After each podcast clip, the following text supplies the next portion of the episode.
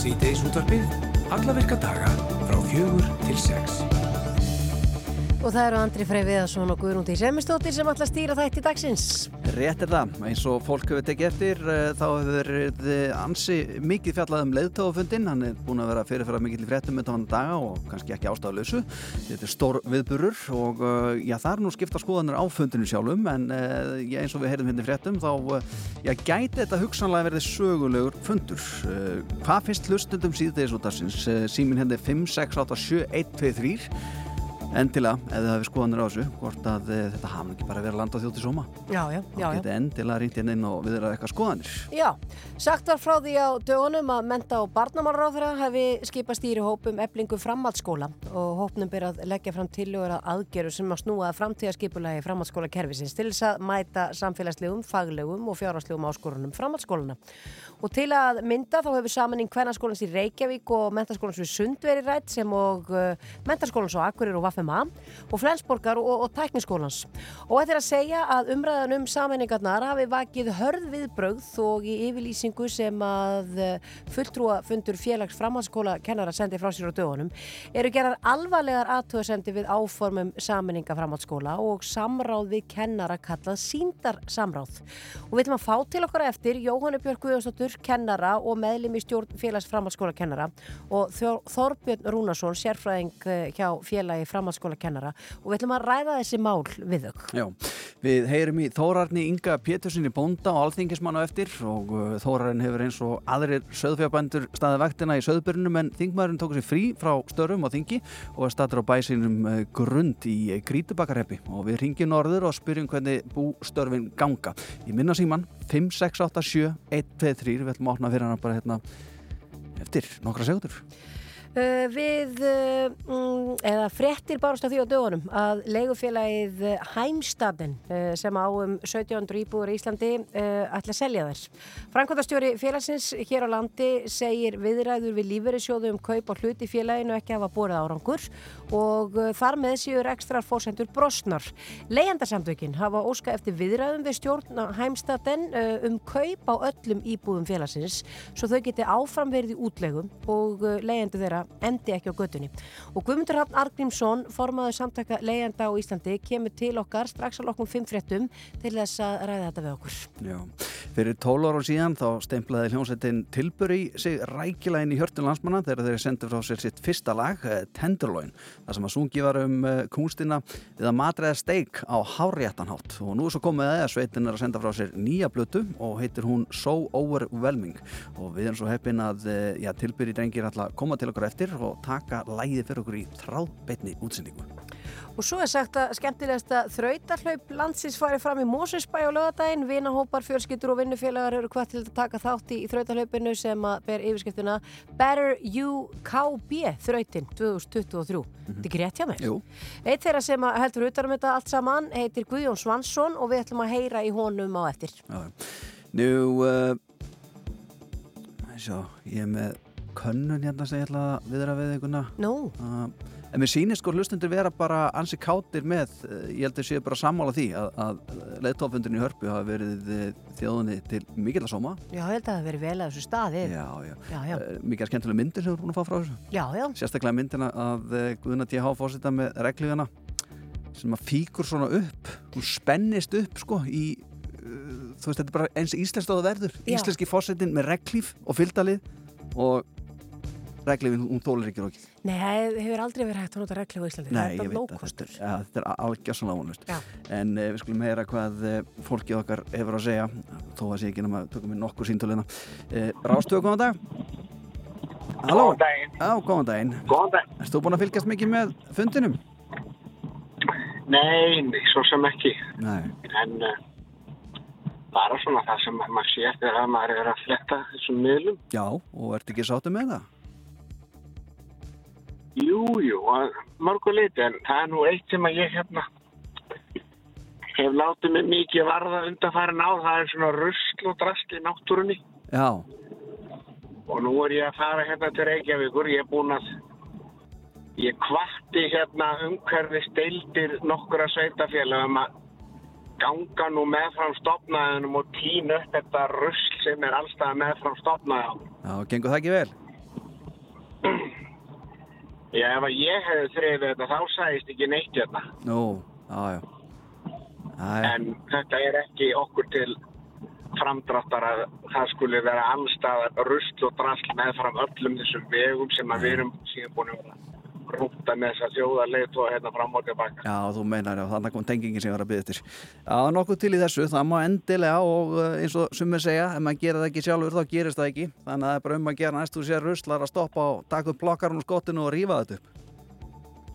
Og ég get sagt þér það, vinnu minn, ég er nú hérna bláa herin. Já, Ég geti verið með tíu manns í vinnu alla daga að þrýfa rusl og ekki högg á vatni. þarna sér þið. Ég þakka að kjæla fyrir þetta, vinnu, við ætlum að leipa næsta að. Gjörðu það. Takk, takk. fyrir. Já, bless, bless. Rástöðu, góðan dag. Já, góðan dag. Dægin. Hvaðan ringið þú? Já, hvað er fengi ég? Östar og fjörðum? Já, já, glæsilegt. Og hvað finnst þér um leiðtófundin? Þú ert vantalega búin að fylgja svolítið með þessu. Já, ég, er svo ánað með hérna stjórnvöldin, hérna bara hérna, ríkistjórnina Já, og, og, og hva, hvað sem að þrýmenningið hérna já, bara, já. Já, já, þannig að þú ert kátum með þetta. gátur, Já, virkilega gátur og bara já. Auðvitað. erðum, en ja, hvað á maður að segja? Ég, var að hrósa fórsættisraðurinn okkar og utan ekki ráðurinn okkar já, Já, og, og hinum hérna, hérna Já, já. sjálfstæðismanninum hérna, Já. Ég þau standa sér ven bara og er að gera sitt best. Já, já. Já, við skilum bara hverju austur á fyrir og, og þakka að kjæla fyrir þitt álita ásvöld saman. Já, já, já, já, ég segi eitthvað meira. Já, ekki nefnum að þið líka eitthvað svakalega mikið á hjarta, sko. nei, nei, nei, bara, bara, þetta er flott fólk, bara Já. flott fólk sem, Takk, takk. sem setur í, í ríkistjórninni bara. Bara. Takk fyrir þetta kjæla. Þetta er komið til skila. Já, Bless, bless. já, takk, Já. takk, bless. Já, það er... Uh, mér, heyr, mér, mér heyrst bara fundur frá fulltustíða. Það er aðalega rusli í náttúrunni, það er okkur að kenna Já. Og þessi mér svo austan. Ég er meiri segja sáttur. Andri búin að heyra sko, kritík varandi þetta Já. það er fólki sem er heim í stóð og hugsa, nú ekki verið betra veður Já. fyrir leiðtóðan Það að er við, sjá við ráðum því ekki. Rástu og góðan dag. Hverju ráðu þið ekki góðan daginn? Ha, hvað segirðu? Hverju, hverju ráðu þið ekki góðan daginn? Ráðu þið ekki öllu? Ekki veðrinu Ekki, að ég Nei. elska mér, ég myndi alltaf að byrja þið með skoða fyrir hann eh, Kára. Já, nei, nei, við getum ekkert gert í því, við bara lifum með þessu, við getum lengi, það bara gengur ákveðlega. En hvað segir þú okkur um fundin, svona örstuðt? Mér líst bara ljómandi vel á og ég er svo stolt af þessu hvem fólki sem er í stjórnarnin okkar, ég ætla ekki að lýsa því. Já, já, þá skalt ekki Já, vera því. hvem fólki getur unnið ekki síður þetta er þessi kallmenn. Já, það er löngu búið sanna það, þetta er enga fréttir. Já, og það er aldrei þvílíkt og núna því það voru bara alveg glæsilegar og hvað það voru skemmtilegar það, og, og bara afslappaðar að taka móti öllu þessu fólki. sjúklega skemmtilegar. Það er alveg til fyrirmynda fyrir land og þjóð. Já, já, akkurat, Já. akkurat. Já, ég vil bara koma því á framfæri, elsku kallið minn. Já, þakka fyrir þetta kærlega og ég byrði bara um að njóta þessum eftir dags. Já, sem er leiðis. Já, bless, og bless. reynda að skafum að fara ekki nú ekki að snjúa meira, elska mín. Já, ég fer á, fer á nýjan hérna smá stund, græja þetta. Nei, það ég þarf ekki að fara fram og svo, svo djúft Nei, að nei, gerir nei. það. Æ, við gerum okkar Nei, besta. líktu bara til lofs Já. og það er nú, Já. já, bless, bless. Takk, takk, bless, bless. Já, ég, gunum, ég held að þetta sé bara komið að þrenna, sko, þó að sé nú fleira að hringja þetta inn. En ef við ekki bara fara að vinda okkur yfir næsta efni. Það er einni viðbútt Einni viðbót, segir hún. Ok, gott og vel, þá gerum við það. Uh, Rástu, góðan dag. Halló, Góðan dag, dæn, góðan dag. það er dæn. Hvað segir þú okkur um Já. Ertu kátt með þetta? Ég segi bara allt fínt. Já, ok. Heyrðu, mér langar, veistu það, ég, Hvað? mér finnst draktin hennar Katrína svo flott. Já, hann, sko. Já, hún er svona það. algjört æði. Já, Er það að tala um sem hún var í gær? Já, sem var í gæð. já, veit, veit, veit. Sem var glæsileika Sjúklega Var flott. Steinur Sigurðardóttir henniður. Já, já, jú, jú Ég er bara að hugsa um hana mjög gæsað. Já. Hún var svo flott var hún. Nei, hún var glæsileg Já, hún var það. Hún var Ah. það. Fallega Ó, ofbóðslega flott. Já, minnst ekki á það. Fallegu Og jakkin Já, og, og pilsi svona, það var svo, Ég- var svona einhverjar fjæðrir á Já, því. Já, svona chilla Já, pilsinni. já, nákvæmlega. Akkurat. Hugsa. Var ekki oft sem að sé Katrínu heldur líki svona, hún var svolítið, hún var í fyrir ofan hnið, það Já, var gaman að því. Já, það Já, var já. svona, já, Já. það var Já, já. stíliðurinn. Og stíl yfir henni. Eins og, eins og sóttóður. Herri, ég þakka, þakka ekki hann verið þetta og bara takk fyrir að hlusta. Ok. Bless, bless. Ég hef ekki Já, viljað missa af þessu fjórða símtali. Nei, Andri, ég er alveg hærtalega sammálaður. Við ætlum að fara yfir í... Sam... að Þetta, hún var glæsileg. Já, hún var það. Já, hún var það. Það Það, að- mátti alveg heyrast. Já, auðvitað mátti það heyrast. Þú ert að hlusta á síðdeis útvarpið á Rástvö.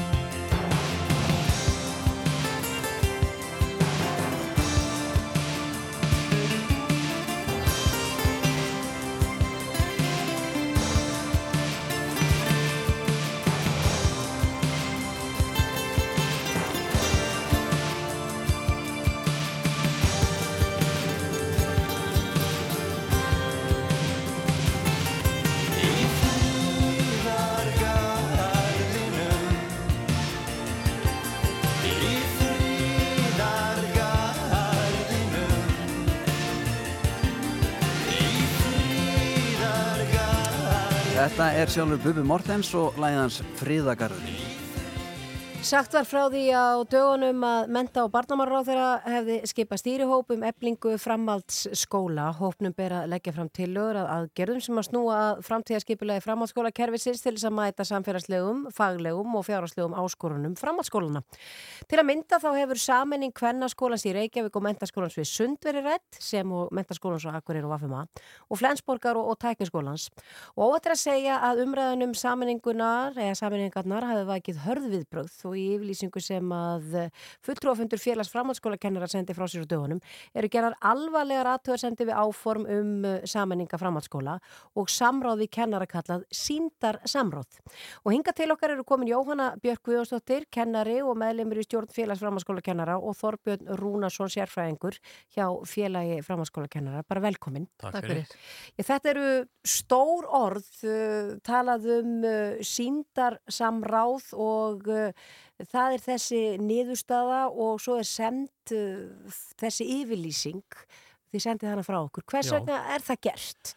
Það er gert vegna þess að fyrir svona tveimur vikum rúmlega eru setta fram einhver þessar tillögur eða hugmyndir að saminningun þessara skóla og við fengum strax fund með uh, þessari nefnd, þessari uh, uh, nefnd sem að er að vinna eblingu framhaldsskóla sísins og þá virðist okkur sem svo að þarna sé bara búið að leggja upp með einhver ákveðna hluti uh, byggt á, á, á uh, forsendum sem við teljum hæpnar og uh, síðan er ég bara að fara að aðtúa hvort þetta síla í að gera þetta. Þa, það er svolítið byrjað á vitlausum enda og þetta er gert mjög rætt að þessari vinna og ljúka núna í lok mæ einhvers konar físileika könnun á þessum fjórum möguleikum. Það er eitt sem að var ekki, þú taldir ekki upp sem er Keilir og, og fjölbyrðaskóli Suðunisja sem að er fjórði möguleikin hérna og svo vitum við líka að þetta er bara byrjunin á einhvers konar yfirreyði við landi því að í næstu aðtrennu á að skoða alla aðra framhaldsskóla höfubrókasvæðinu og síðan í haust er reikna með að skoða landsbyðina líka og til þess að skoða hvaða möguleikar eru til staða til, já, ég veit ekki hvort það verður bara lagt upp með einhverja svona saminningu boom. Já, þannig að ykkur líður eins og þessi verið að stopna þennan stýrihóp en þessi í raun og veru bara búið að taka einhverjar ákvarðanir og þetta sé þess vegna sé þetta svona einhver, einhver síndamennska og, uh, og ekki verið að hafa samráð við ykkur. Nei, í raun og veru, þetta kom bara algjörlega, kom okkur í opna skjöldu, okkur kennurum í kvennaskólanum. Við fengum þarna bara sólaringsfyrirvara um fund, upplýsingafund og þar var okkur sagt frá þessum hugmyndum á samina kvennaskólanu MS. Og eh, já, þetta, okkur finnst þetta að vera nánast valdnýðsla. En hvers vegna þessa tvo skóla, kvennaskólan og MS?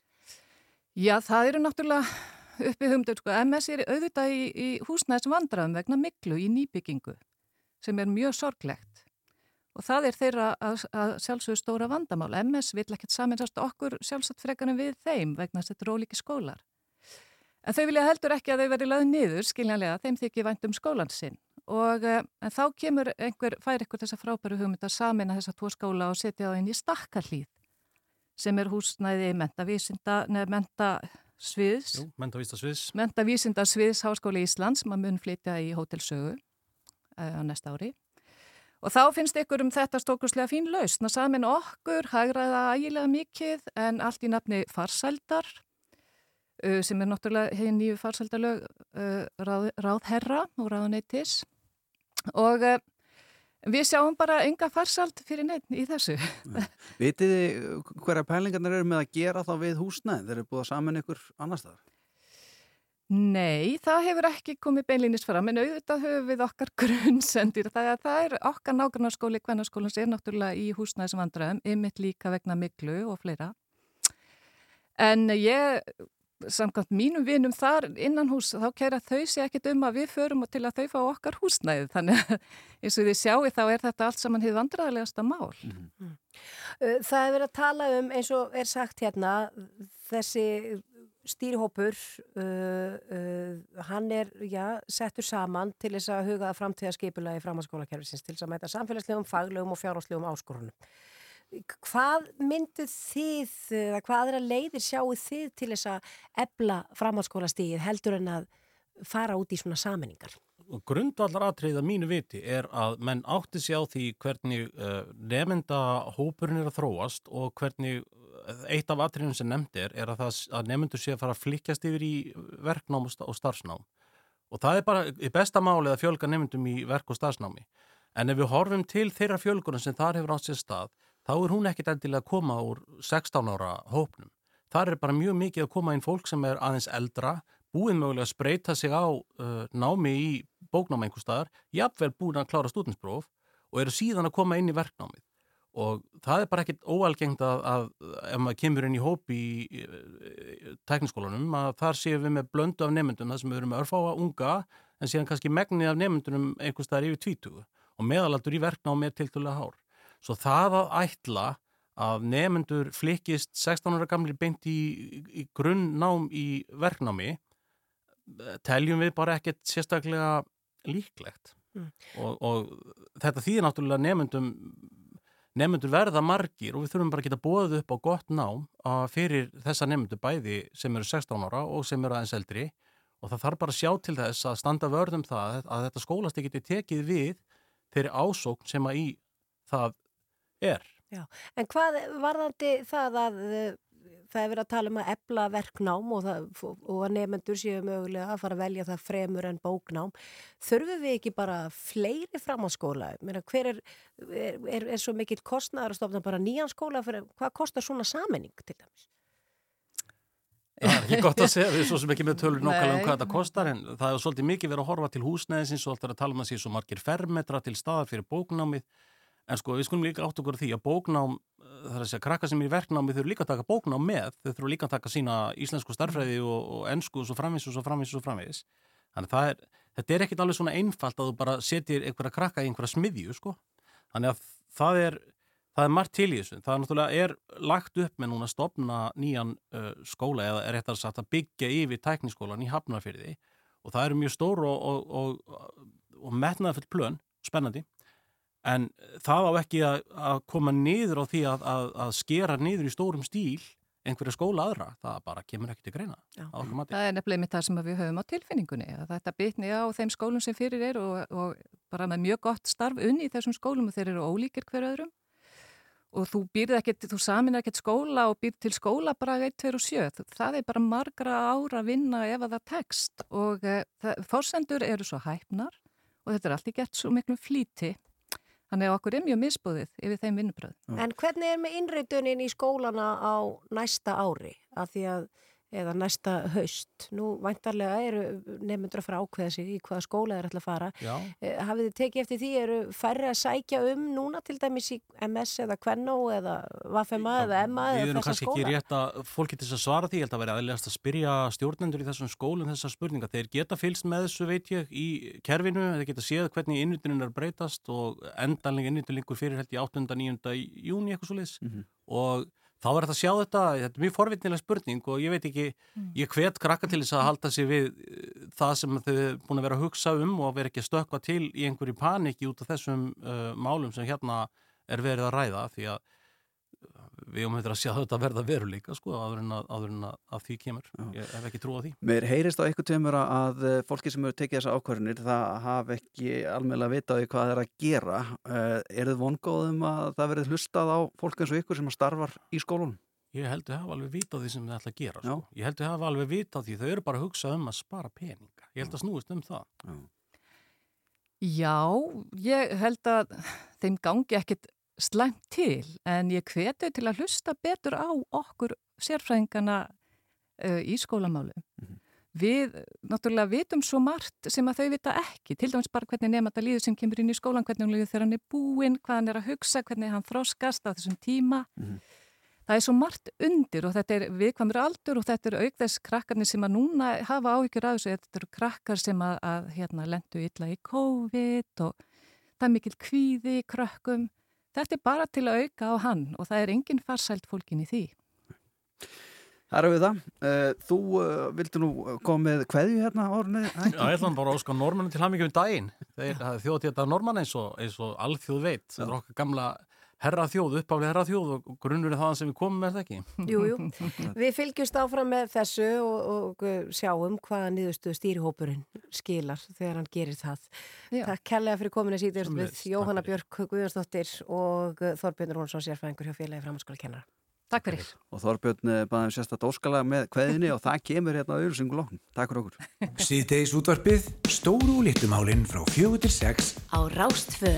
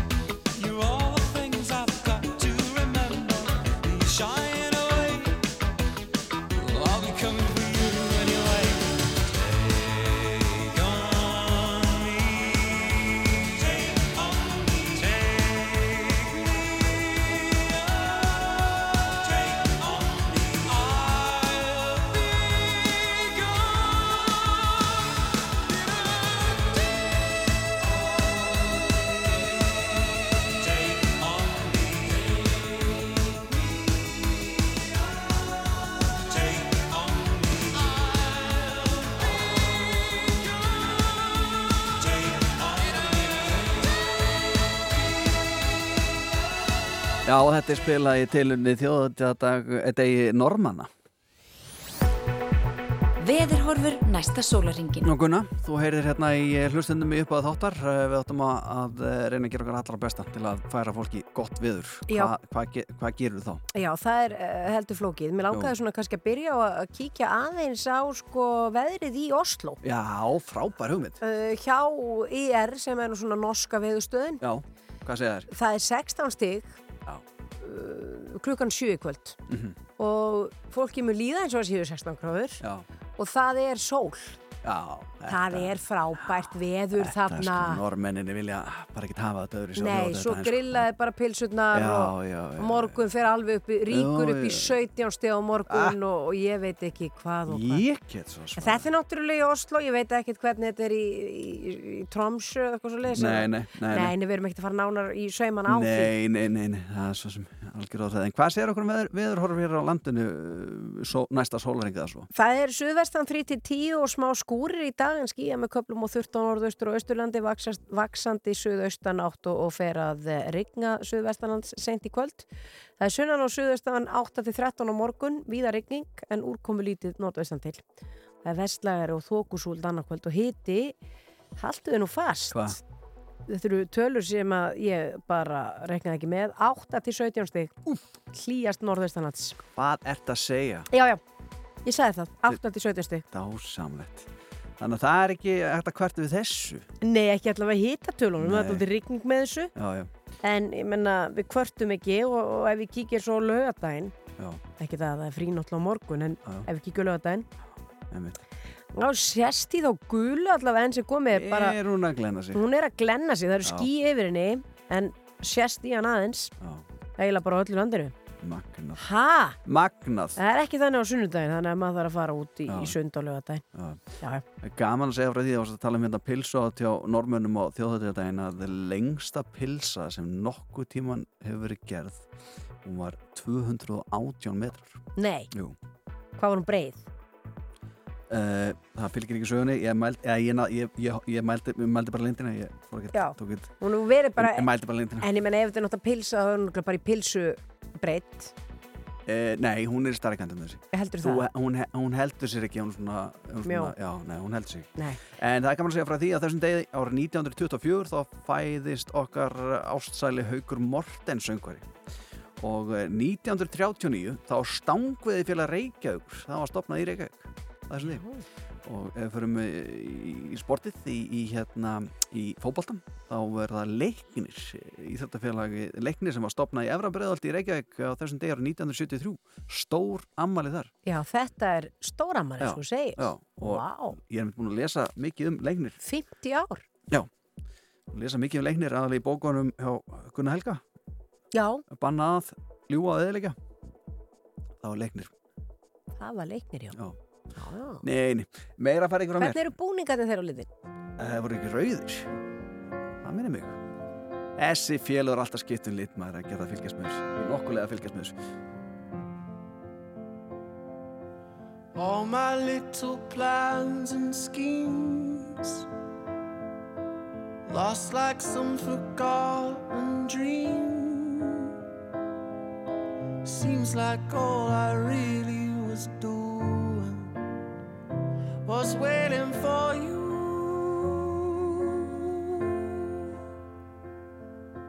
Just like little girls and boys playing with their little toys. Seems like all we really were doing was waiting for love.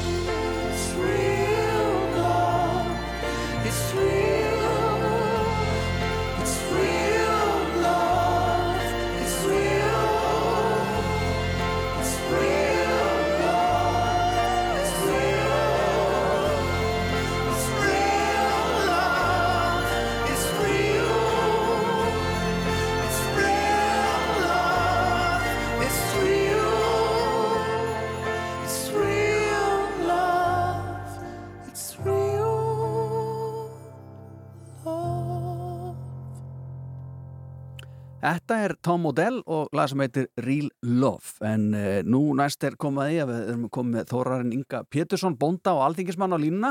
Og hann stendur í söðbyrði og uh, já, við ætlum svona forvitnast um það. Hann er stattur í, í grund í Grítubakkareppi og uh, já, við erum komin í samband uh, allavega Norrland, sæl og blessaður. Það er komið sæl. þá bara spyrjum við hvernig gengur þetta allt saman fyrir sig? Heyrðu, þetta gengur bara svona þokkalega. Já. Og hérna bara eins og venjulega. Þetta, þetta eru svona, er nú svona hæður lagðir í þessu en hérna heilt yfir gengur þetta bara alveg ágætlega held ég. Já. Og svo sem voru bara blíðu veður og, og þetta blasir bara mjög vel við. En hvernig Þorinn það er nú búið að vera leiðinda tíð? Ertu búin að ná að hleypa eitthvað út? Já, já, við erum búin að setja tölvist mikið út og hérna var nú komið aðeins, aðeins út svona að þetta skýtfyrir kom hérna og hvernig var það á sunnudaginn og mánudag og það var nú svo sem bara, það var nú ekki margt sem að koma út en það var í góðum skjólum og svoleiðis og síðan hefur við bara verið að týna þetta út núna í, í róleitum og hérna það eru byrjað að dreifa sér hérna um öll tún þannig og komið bara tölur góðu gróður líka þannig að það bara lítur vel út þannig. Já. Þegar að eh, maður er þingmaður og bóndi eh, sína, já, sí, sínir samstarfsfólk þitt er skilning þegar þú ert að stökka frá og taka móti lömpum?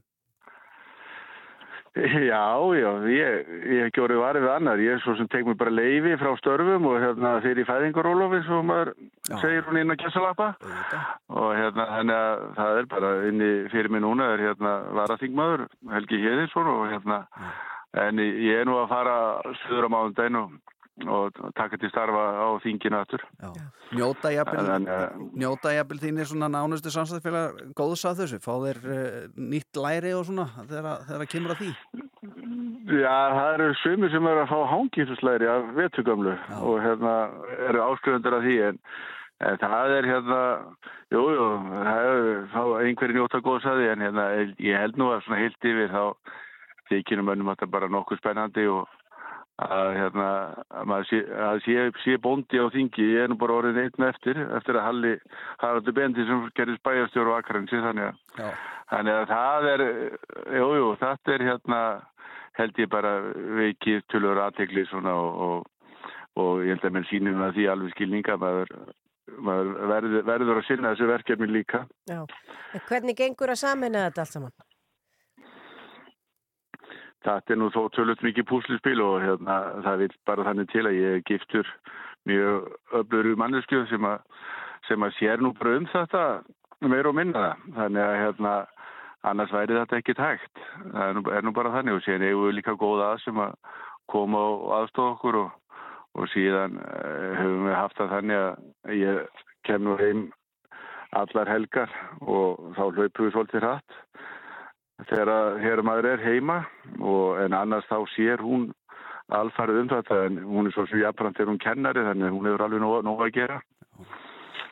Svona, svona með þessu en, en þetta er svolítið púsluspil en, en uh, þetta er eitthvað svona líka hérna, þú tekur þetta ekki úr sambandi þó að mann, mann fari á þing og gerist allþingismenn að þá slekkum maður ekkert á þessu svona allan og meðan að maður, maður er þarna þannig að það þarf að halda þessu gangandi svona, svona samhliða og, og við reynum að gera það. Já. Þegar ég og Gunnar vorum tölvört yngri þá týrkast nú ofta að senda krakka í sveit maður veltiði fyrir sér þú alþingismæður og hún kennari þetta er náttúrulega drauma aðstæða fyrir krakka að vera eru þið að taka á móti börnum? Nei, við hérna það er nú bara orðið þannig í dag að, að að það er sjálfsvegar ekkert hlaupið að því að, að vera með, með krakka í sveit eins og var á sínum tíma. Þetta er alltaf orðið breytt og hérna auðvitað koma hér krakkar í heimsókn og svoleiðis en, en ekki til að vera. Og, og þú veist, vélar og annað önnu tækir orðin bara miklu miklu stærri og, og þetta er orðið svona allt tæknilegra heldur en var á sínum tíma þegar við vorum yngri og hérna og ég veit nú að Gunnar er nú úr sveit þannig að hérna, hún þekkir þetta nú nokkuð vel líka. En þannig að ég, en heilt yfir þá er það nú, er það nú orðið mjög sjálfgeft að börn komi í sveit úr kaupstað eins og var hér áður fyrr sko. Nei, Þórainn, þú ert eins og varst að segja og hann síðast í bóndin á Þingi þú lítur að fá síntöl frá kolleguðinum í bændastjættinni út af alls konar málum hvernig hljóði í bændum þessa dagana? Er, er bara bjart framöndan, sumar, sól? Já, já, það er hérna auðvitað búið að vera það var mikið áfall hérna mánaðamótin mars-april varandi þegar riðan kom upp í miðfyrðinum og hérna og það er búin að vera tölvöld í samband við þá og, og hugur okkar bænda er hjá þeim. Og en aftur á móti held ég að menn líka sjáu það eru tækifæri framöndan og, og við erum að sjá líka það er mikil eftirspurning eftir vörunni. Og, henni það líka, er líka þannig að, að nú er komið svona eins og maður segir jafn á milli framlist og svölu og kannski er, er eftirspurning meiri heldur en að við önnum og, hérna við höfum séð það að það er verið að flytja hérna inn spænst lampakjött og, og þess áttar. En uh, það er líka bara áskorun fyrir okkur að taka móti, móti þeirri samkeppni og, og ég kvíði því nú ekkert og, og ef við höldum svona rétt á spilunum þar að segja þeir sem setja lögin að, og sköpum ákveðin svona starfskilir fyrir þessa grein að þá eru vissulega mikil tækifæri í því að, að framlega lampakjöð og, og skemst er frá því að segja að, þessi vottun sem kom núna nýverið varðandi uppruna vottorði Ah.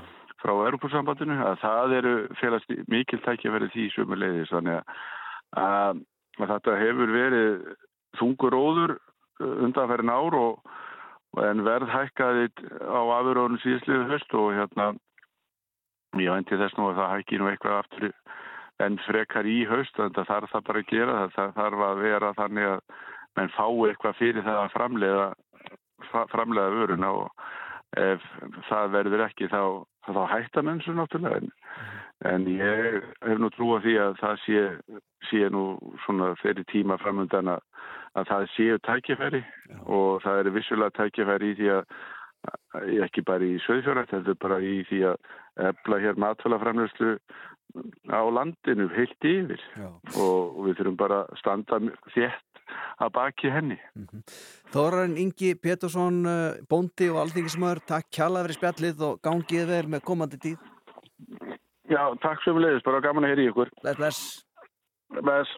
Framöndan hjá okkur uh, lifandi tónlist, uh, já, leigumarkaðurinn og uh, hlaup. Heyrður í lömbunum fyrir Ég aftana? heyrði í lömbunum, já. Svo dólur. Ég veit. Rástvö Þú ert að hlusta á síðdeis útvarpið. Á Rástvö Áframöldu við í sítegisutupinu, frettir bárust á því á dögunum að leigufélagið Heimstaden sem á um 1700 íbúður á Íslandi ætlar að selja þar.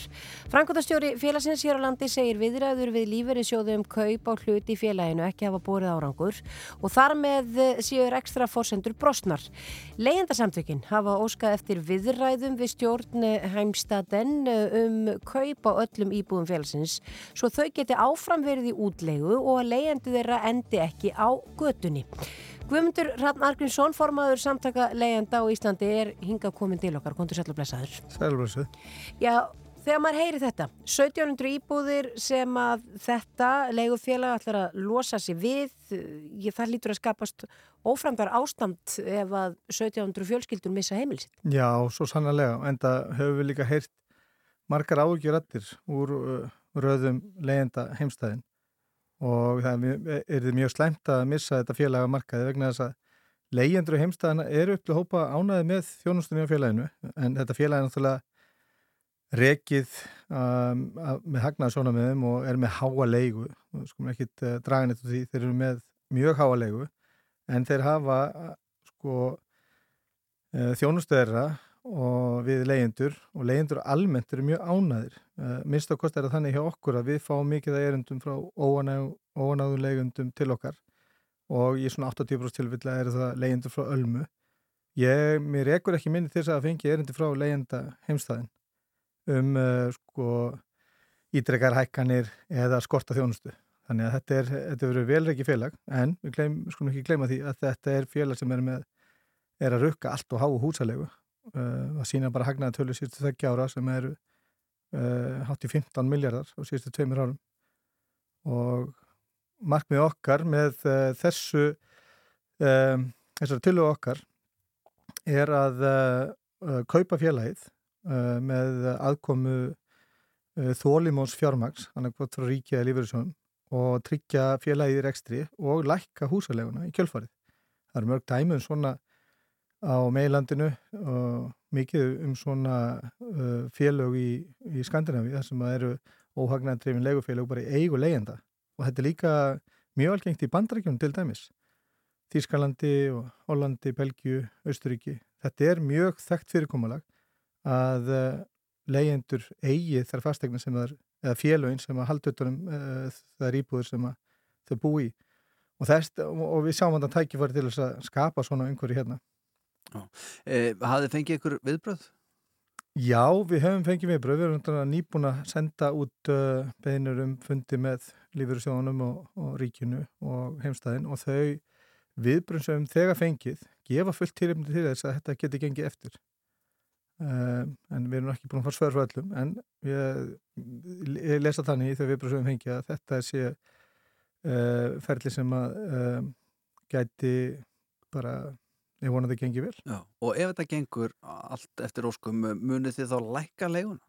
Já, við, sko markmiðið með þessu er að uh, um þetta uh, um þessar íbúður verði rekstrafélagi í eigu leiðenda og uh, þá verði leigan bara á kostnaðverði uh, fjármagsgjöld heimstaðinni fyrra fjármags já, fjármagsgjöld eða, eða fjármags já, sem það sem að heimstæðin þurfti að borga fyrir þau lán sem það eru með, voru 3,5 miljardar í fyrra, 2 miljardar árið 2021 og það gefur svona okkur mynd af rekstra kostnæðum fyrir, fyrir utan náttúrulega uh, viðhald og svona leigufall og skrifstöðu kostnæð uh, og svo með að við hagna en þá, get, þá sjáum við alveg tækifæri til þess að leigamunin lækka verulega. Og sko jafnvel 20% Uh, svona með að við, við erum alltaf ekki búin að skoða ásreikningana en með að við þessar hagnaðatölur og með að við þessan þennan kostna sem félagi ber þá sjáum við tækifæri til þess að lækka leiguna verulega og hafa mikil áhrif á leigumarkaðin Já. En eiga ég menna ráðamenn uh, og þá eins og talar um líka kannski lífur í sjóðunir eða þetta hæga fjármagmina, e eigum við einhver að kosta völ annað en að líta á þetta sem bara góðan kost, ég varðandi að það hlýtur að skapast hér bara vond ástand ef að 1700 íbúður fara af leikumarkaði. Já, ekki bara það. Það getur líka bara skapast vond ástand ef að það eru aðeins sem að kaupa félagi sem að munur reka það áfram í sögum myndi að jafnvel verri. Við talum ekki um þá svona kannski hálfgjörðar hillingsmynd sem myndi blasa við okkur ef að félag eins og Alma myndi kaupa síbúður. Uh, við viljum róa því öllum árum að koma í veg fyrir slíkt og koma þessum leigu einingum í annar ekstraform. Það gengur ekki að húsalega uh, sé svona há eins og hún er á Íslandi. Hún er í öllu samengi við allar hagstærið og öllum samanbyrði í Evrópu. Allt og allt og há.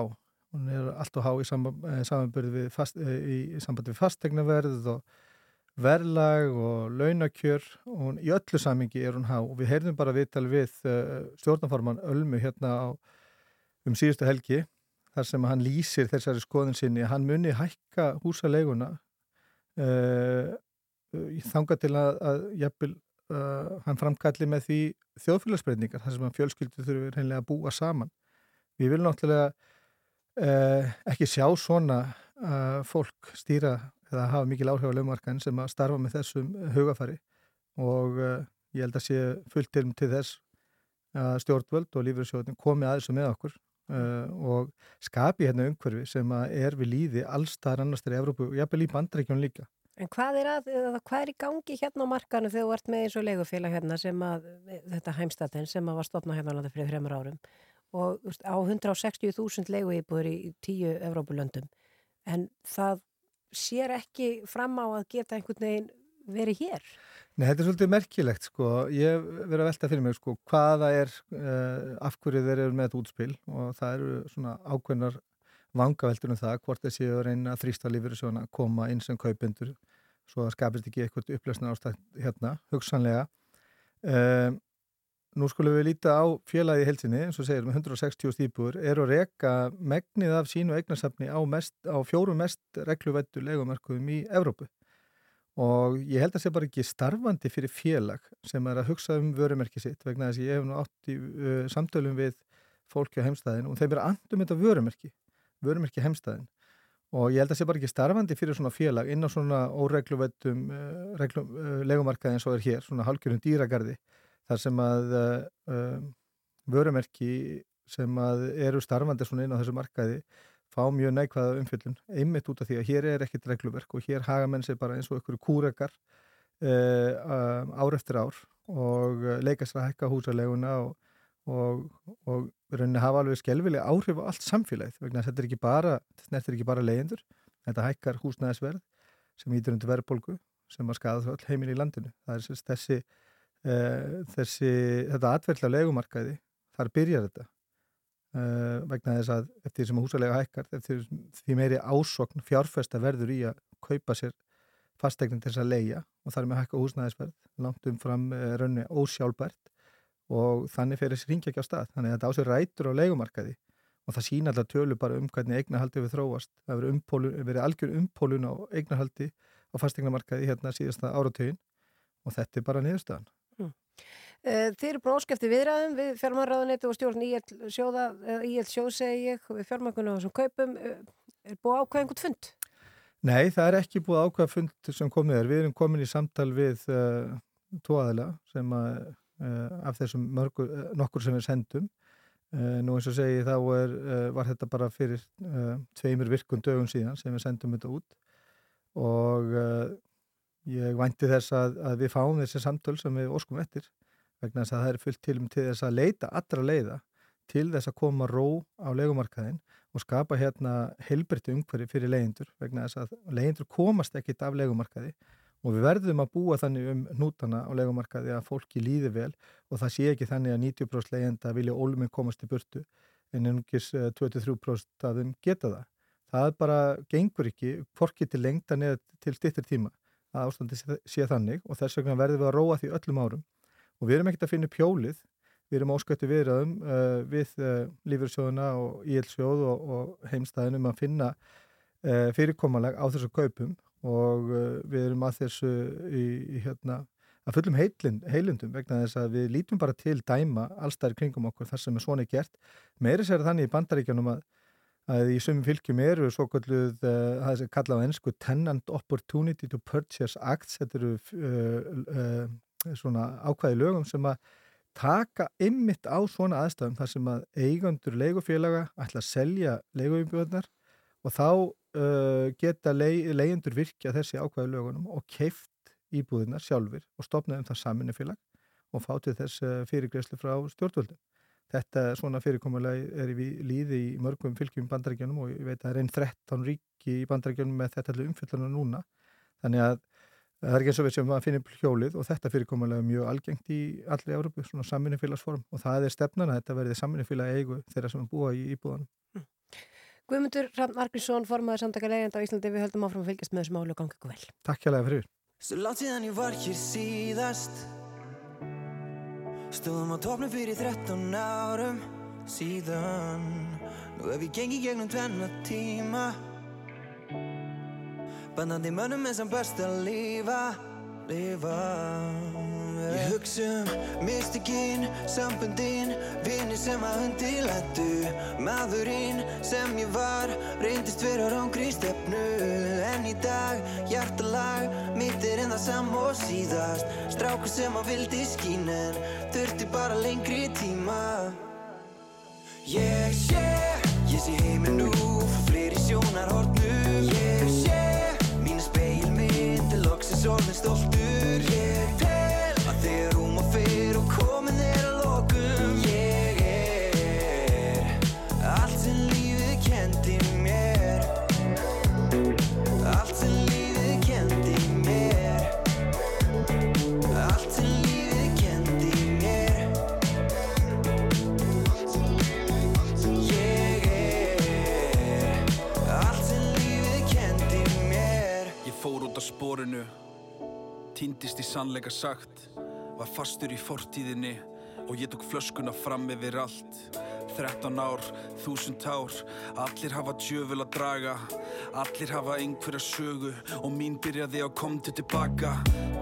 En ég læri alltaf meira, lífið stækkar, tíminn læknar, sárin gróa, árin róa, ég vil meira, ég vil heyra, en ég stopp ekki og ég hætti ekki, alla trúa mig, ég er fljúandi eins og fyrildi yfir heiminin, pappi sjáðu mig, litla strákið þinn.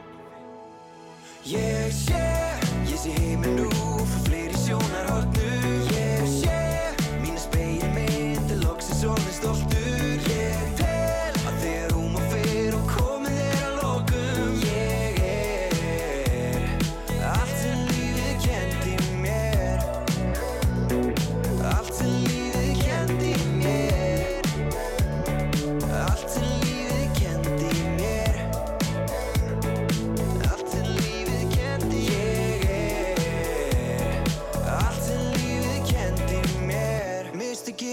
sambundin, vinir sem að undirlendu Maðurinn sem ég var, reyndist vera rángri stefnu.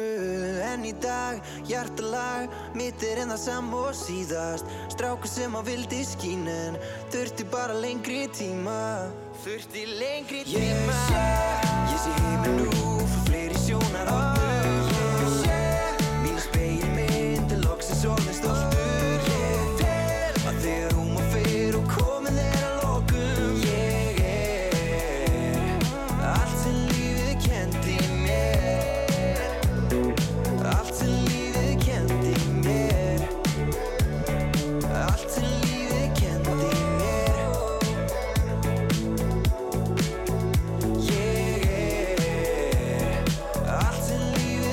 lífið kendi mér.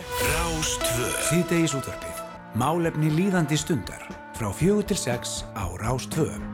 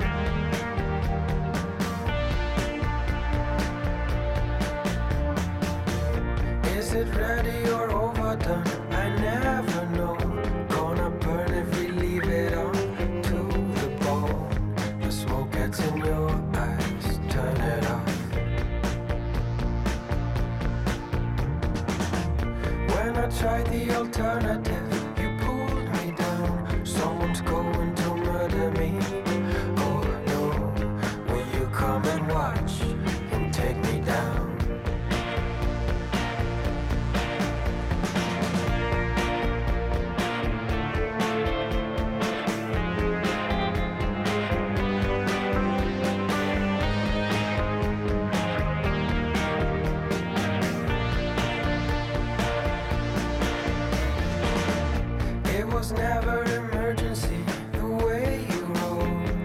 Then you cry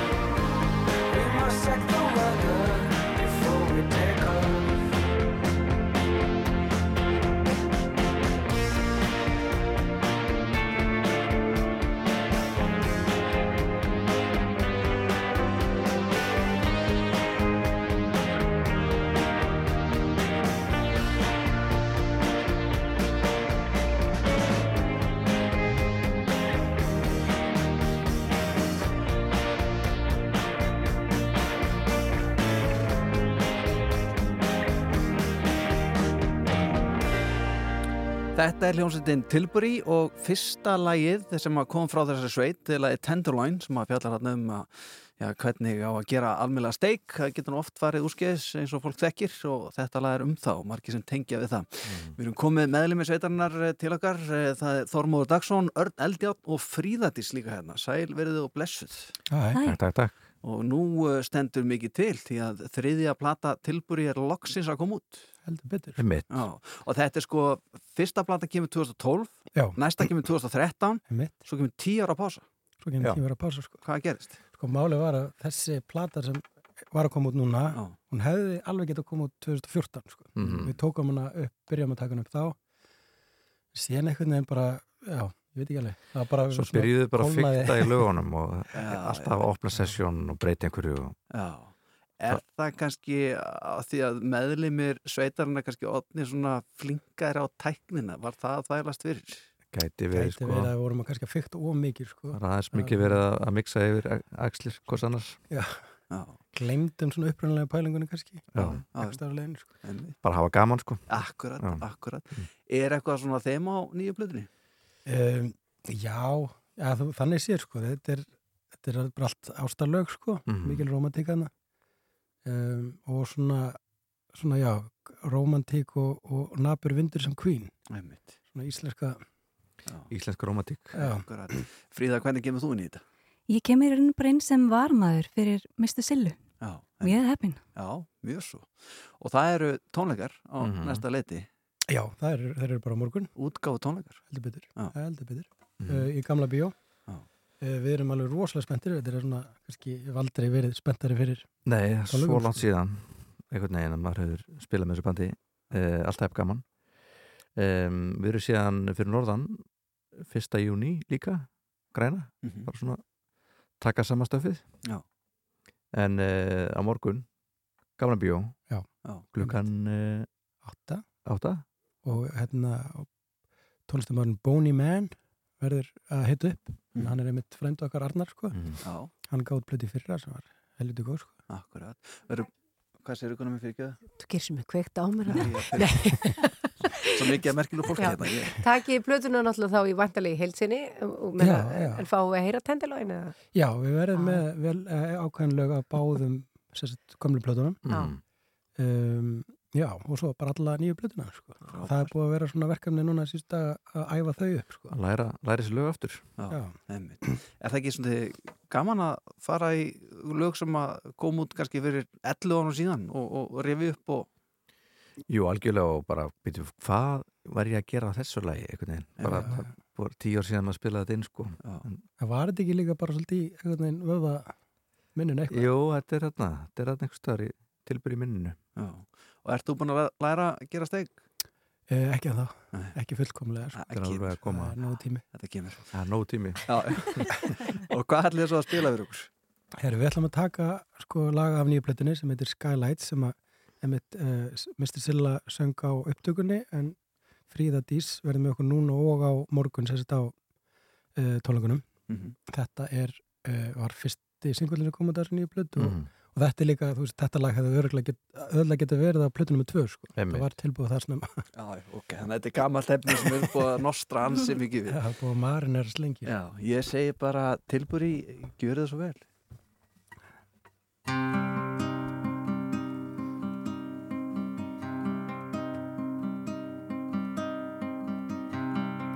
I never felt this so bad. The sky is neon blue, and the moon is pink and yellow. Everything's quiet. My mind is filled with you.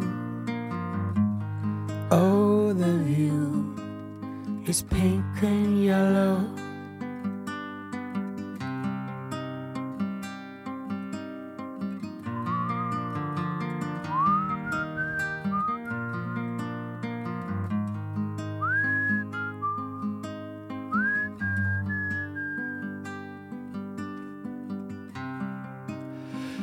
Never saw it coming.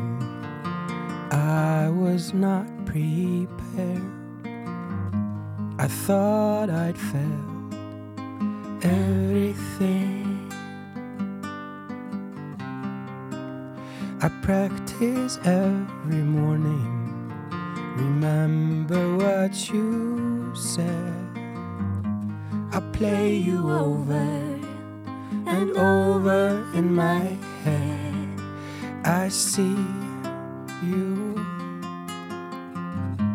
strobing neon lights. We're finally together. I feel you all through the night. We're finally together.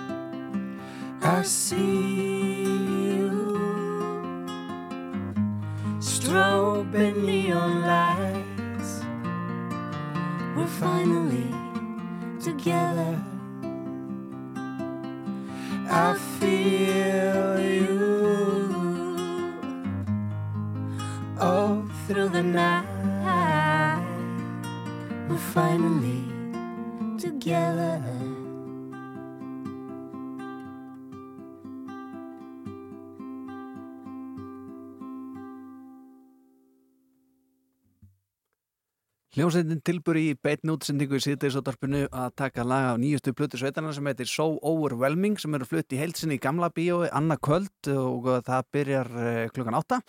Bóni menn, sérum uppbytinu og uh, já, ég segi bara Þórmóðu Dagsson, Örn Eldjátt og Fríðardís takk hjá fyrir komuna og gangi ykkur vel á tónleikunum og til hamingi með nýju plötuna. Takk takk.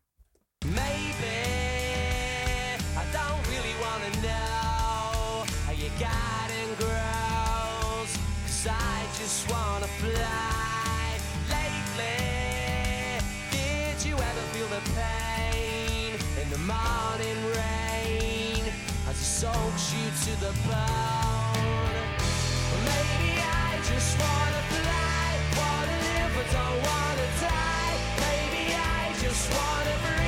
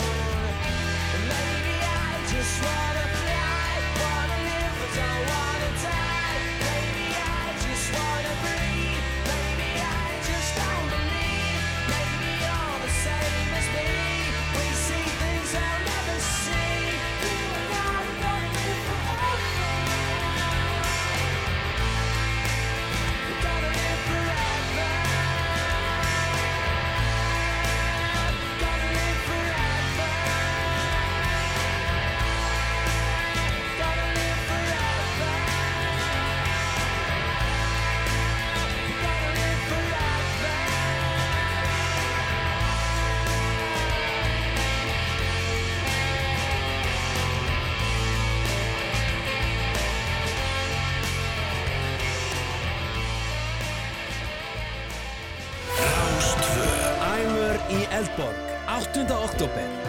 Loksins stórtónleikar með æfur á Íslandi. Miðasala hefst í næstu viku. Sena. Síðdeis útvarpið alla virka daga frá fjögur til sex.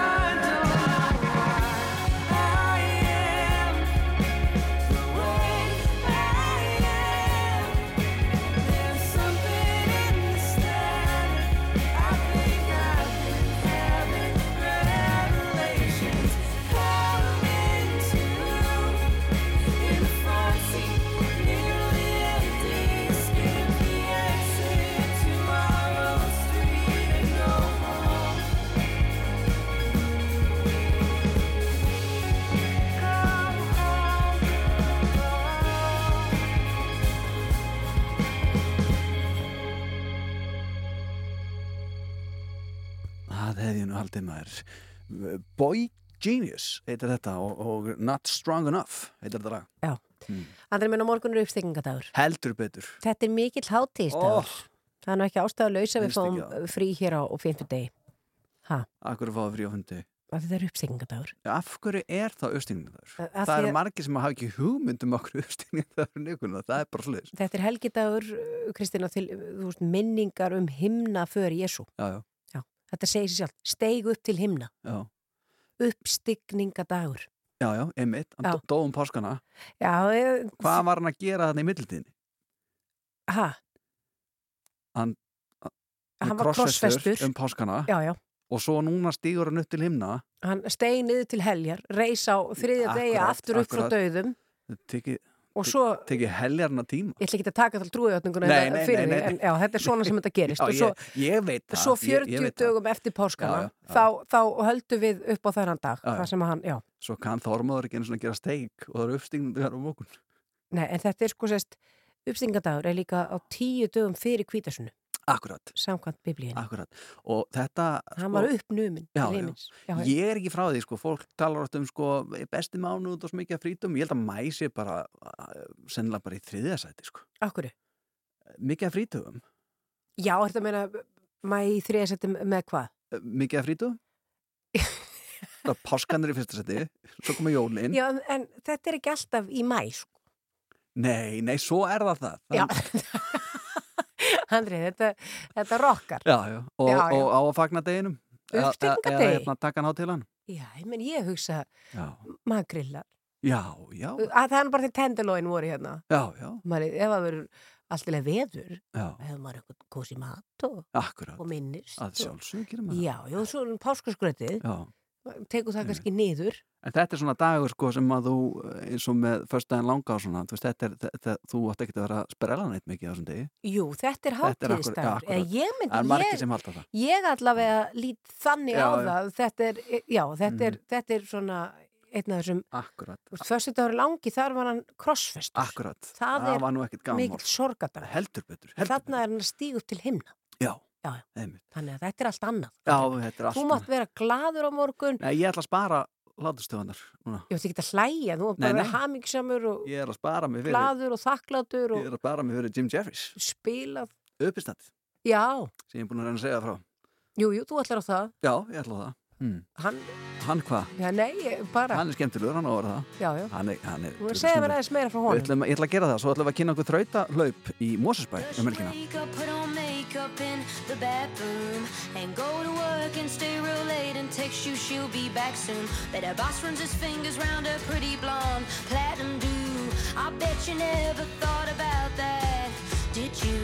And it's none of my business, and I don't wanna get involved. If you're thinking that she's good, I think you should be tough. She got you on your knees like a little boy. Everybody sees that you're just a little toy. She's got a bunch full, did a daddy lollipop. She asks you if you love her, and you nod and say, huh. She wears short skirts, so you don't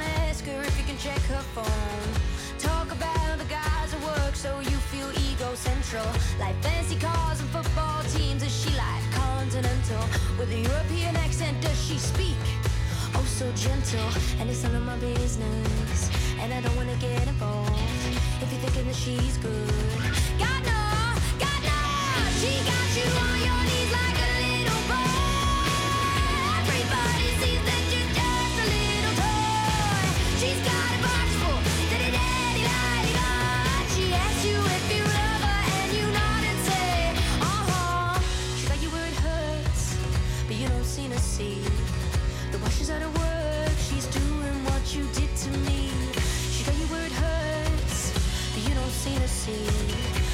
she's of work, she's doing what you did to me. She got you on your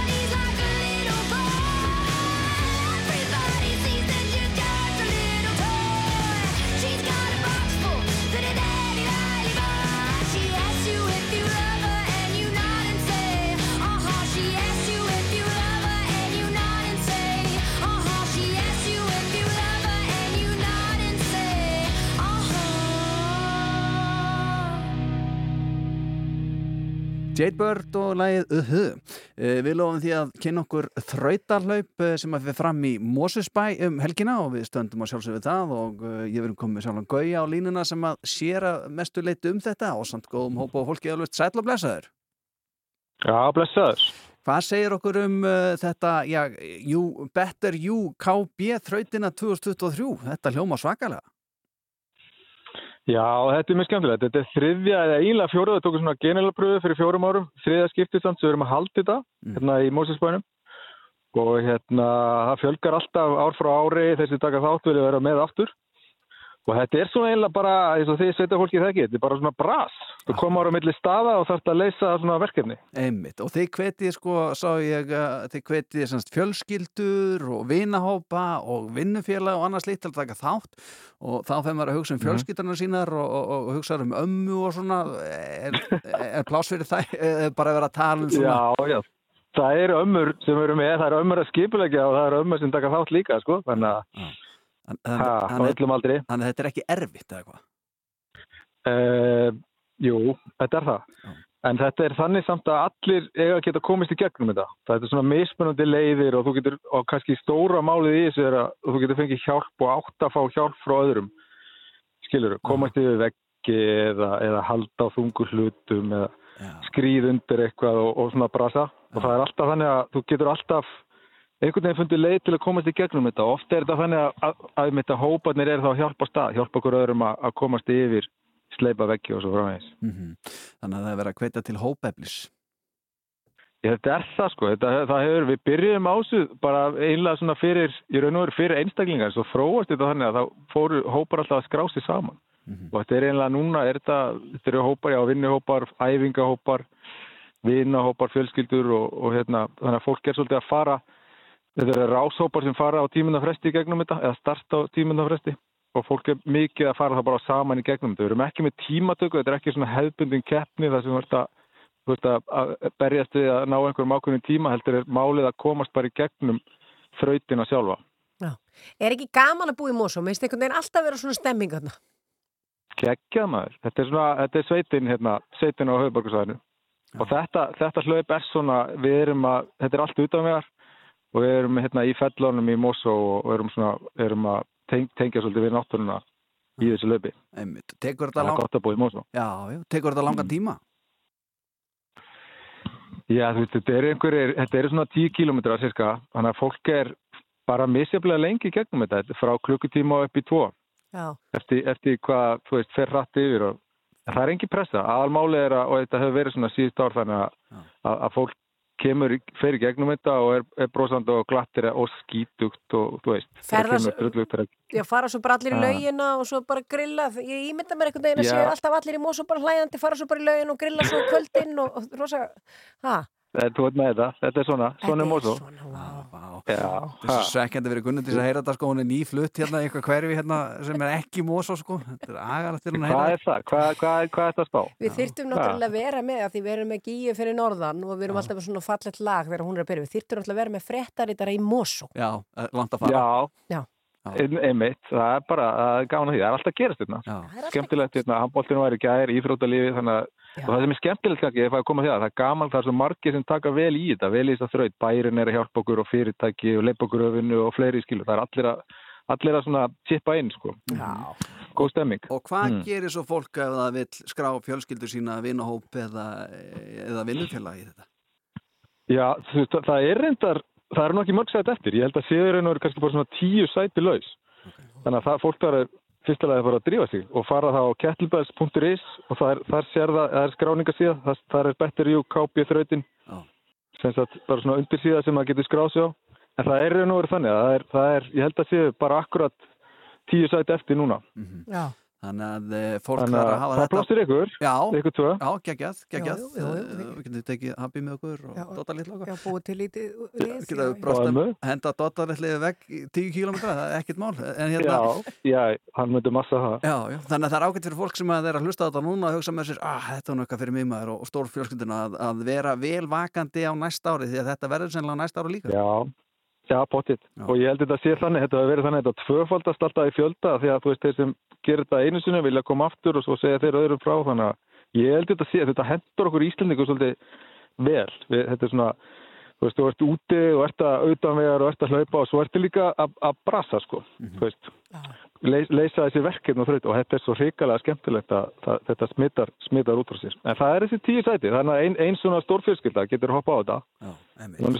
Akkurat, eh, það er þrautahlaupið eitt skemmtilegasta þrautahlaup landsins samkant ykkur í Mosó sem að eh, ég berja yfirskiptuna Better UKB þrautin 2023 Takk kjærlega fyrir þetta Gauði og bara gangið vel og góða skemmtun Takk kjærlega, takk kjærlega fyrir okkur. Ekki málið, blei bless Já, bæ. Það er verið það Gunnar mín Ég uh, verða að svekja þið með einuguna. Nú? Nú þurfum við bara að fara að koma okkur út. Já. Já, þættinum er bara eiginlega lokið og við höfum bara pláss hérna fyrir eitt gott lag, sko. Jú, jú, ég meina það er líka, meina það er miðvíkudaskvöld, Já. samt svona dálítið eins og að sé Já, í rauninni lögataskvöld. Ef þú fengir að velja tíu starfsmennin rúf til að taka með þér í dag, og ég var að segja ykkur hérna að það er pláss fyrir tíu. Já. Mig, Já, þú er hafnildur náttúrulega. tveir, já, Já. þú ert annað þrýr, Já, ég teki Dotta. það er sjálfsögð, Það teki, teki við Guma Páls, hann býr í Mosó. stutt að fara, jú, Stutt að fara, akkurat. algjörlega málið. Aha, Veit ekki, hvernig heldur að Óli Palli er í þessu? slæmur, Já, ég ég held að myndi er sleppa honum. Já, ég myndi ekki Nei, nei, nei, nei. Alli, alli það ekki. Allir það ekki, Jú. ok, ok, vantar einhverja stelpur, Já, stelpur, já, já, við tækjum hérna Lovísu náttúrulega. Lovísu, Jú, jú. akkurat, ef að fljúa gíða norðan. Já, ég Hún meina... er til í svona, Já, líka... hvetjandi, sko. Jú, svona minni bæ, sko, jú, jú, Já, jú, jú, tökum hana með. Svo dettur mér í hug, úf, hvað er að fara í... Við verðum náttúrulega að taka einhverja vinum okkur á morgunútapinu. Já, Við tækjum Snærós og Huldu, báðar. Akkurat, og eh, tökum yngvað með.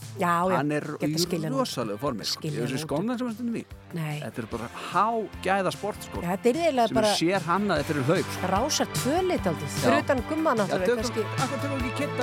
En Þossa. Og búa ábús. Jóhanna maður, Jóhanna.